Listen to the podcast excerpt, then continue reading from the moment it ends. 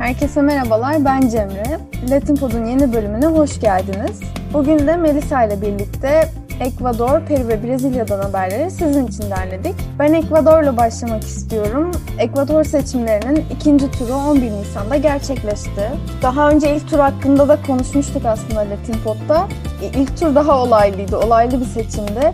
Sadece ilk adayın Arauz olacağını biliyorduk ki Arauz da Kore'nin adayıydı.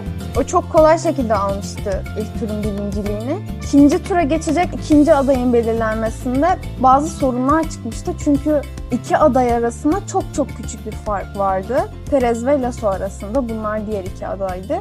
Yerli aday Perez de bunun üzerine yolsuzluk iddiasında bulunmuştu. Yine yerlilerden destek de görmüştü bu iddiası. Destek yürüyüşleri düzenlenmişti. Ama günün sonunda ikinci tura çıkmayı başarabilen adaylar Lasso ve Arauz olmuştu. Şimdi Perez'in aslında ikinci tura çıkamaması endişe verici de bulundu bazıları tarafından. Çünkü Perez bu iki adaydan birini desteklemeyeceğini söyledi. Şöyle bir analiz okudum ben burada. Seçim daha gerçekleşmeden yayınlanmıştı bu kaynağını açıklamaya bırakabilirim. Şimdi aslında Korea ve dolayısıyla Arauz'un da Perez'in de solda durması sebebiyle Perez'in Kore'ye desteklemesi beklenebilirdi. Dolayısıyla kendisi aday olamamışken Arauz'u desteklemesi beklenebilirdi. En azından Lasso'ya karşı birleşmeleri beklenebilirdi. Çünkü Lasso sadece bir aday sonuçta. Arauz böylece yerli halkı da arkasına almış olurdu. Ama bu gerçekleşmedi. Çünkü karşılarında sadece bir aday da dursa Perez için Arauz'u desteklemek mümkün değil artık yani. Özellikle Kore dönemindeki bu sosyal hareketler üzerindeki baskı sebebiyle Kore'nin adayını da kabul edemedi Perez'in destekçileri. Kore'nin yerlilerle çatışmasının önemli bir ayağı çevrenin korunması meselesi. Çevre hakları üzerinden yaşanmıştı. Mesela madencilik faaliyetlerinin genişletilmesi üzerine çalışmıştı Kore'ye 2009-2008 yıllarında. Yerliler de bu çalışmaların buna dair çıkarılan yasanın onların çevre haklarını iddia ettiği iddiasındaydılar. E, bunun gibi çatışmalar var aralarında sonuç olarak. Seçim dönemine tekrar dönecek olursak aslında Arauz bu baskının yanlış olduğunu, e, bu noktada hata yapıldığını kabul etmişti.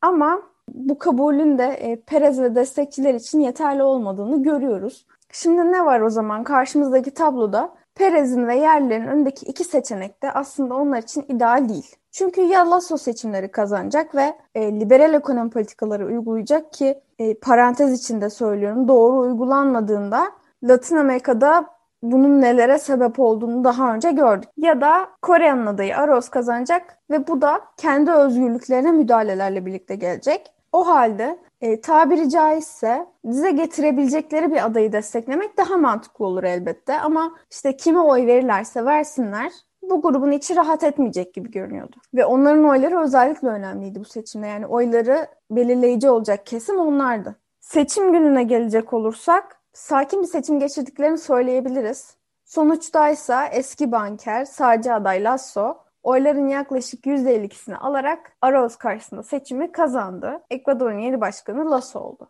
Bu Lasso'nun ilk adaylığı değil bu arada. Hem Kore'ye hem Kore'nin adayı ve şimdiki başkan Moreno'ya karşı yarışmıştı.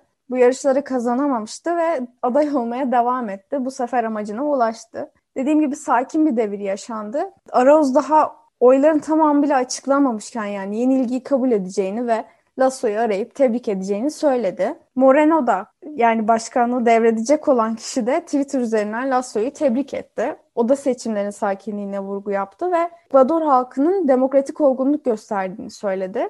Demokrasi kazandı dedi tweetinde. Az önce bahsettiğimiz gibi seçimi kazanmasının sebebi aslında yani Lasso'nun herkesin gönüllerinde taht kurmuş bir aday olmasından ziyade Kore'ye karşıtlığının artık ciddi boyutlara gelmiş olması. Dolayısıyla Kore karşıtlarının oylarını toplayabilmiş olması da sonuçta belirleyici oldu. Peki Lasso kazandı. E, bundan sonra ne olacak? Lasso'nun Twitter hesabına bir göz atarsanız şu an neler yapacağına dair sinyallerle dolu diyebilirim. Tweetlerinde sıraladığı bazı noktalar e, işte istihdam yaratılacağı ki e, seçim kampanyasında da oldukça üstünde durduğu bir meseleydi bu zaten. Başka bir mesele yabancı yatırımcılar. Yabancı yatırımın ülkeye çekilmesi için adımlar atılacağını biliyoruz. Alberto Fernandez'in kendisini kutladığı bir tweet'i alıntıladı ve alıntısında kalkınma, gelişme ve özgürlük bölgeyi birleştirsin dedi. Son olarak da Amerika Birleşik Devletleri ile Ekvador'un tekrar müttefik olacağını söyledi başka bir tweette. E bunların hiçbiri sürpriz değil elbette. Hepsi zaten e, hali hazırda vurgu yaptığı meselelerdi zaten. Başkanlığı süresince ne gibi zorluklarla karşılaşır? Muhalefet ne kadar karşısında güçlü durabilir? Bunların hepsini zaman gösterecek. Ama günün sonunda huzurlu bir seçim sonunda kazanan Kore'ye karşıtı hareket sayesinde Lasso oldu. E benim Ekvador'daki seçimlere dair söyleyeceklerim bu kadar. Burada sözü Melisa'ya devrediyorum. Teşekkür ederim Cemre. Ben de size Peru'daki başkanlık seçiminde neler oluyor onu anlatacağım. Peru'da Ekvador'un tam tersi bir durum söz konusu şu anda. Yani pazar günü yapılan ilk tur çok şaşırtıcı bir şekilde sol yükselişiyle sonuçlandı. Zaten 2020'nin Kasım ayından itibaren Peru'da ciddi bir siyasi istikrarsızlık söz konusu. Başkan Vizcarra'nın yolsuzluk suçlamalarıyla görevden azledilmesi sonrasında birer hafta arayla üç farklı başkan göreve geldi. Şu anki başkan Francesco Sagasti'nin de görev süresi dolmak üzere. E bir de üstüne Covid salgını da eklendi tabii bu siyasi istikrarsızlığa. Bir taraftan bir de Şubat ayında bazı politikacıların gizlice Covid aşısı vurulduğu haberleri de Peru gündemine bayağı oturdu. E bu da tabii zaten hükümete olan güveni de iyice zayıflattı.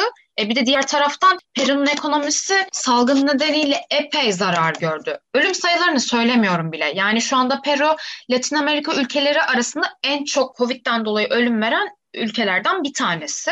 E tabii her şey üst üste gelince halk da seçimler yoluyla hükümeti cezalandırmaya karar verdi sanırım. Çünkü her ne kadar yolsuzluktan bıkmış da olsa Peru halkı, Özgür Peru Partisi adayı Castillo'yu temiz bir sayfa açma şansı gibi görse de Castillo'nun genellikle kamuoyu yoklamalarında veya anketlerinde genellikle o %3 civarında çıkıyordu.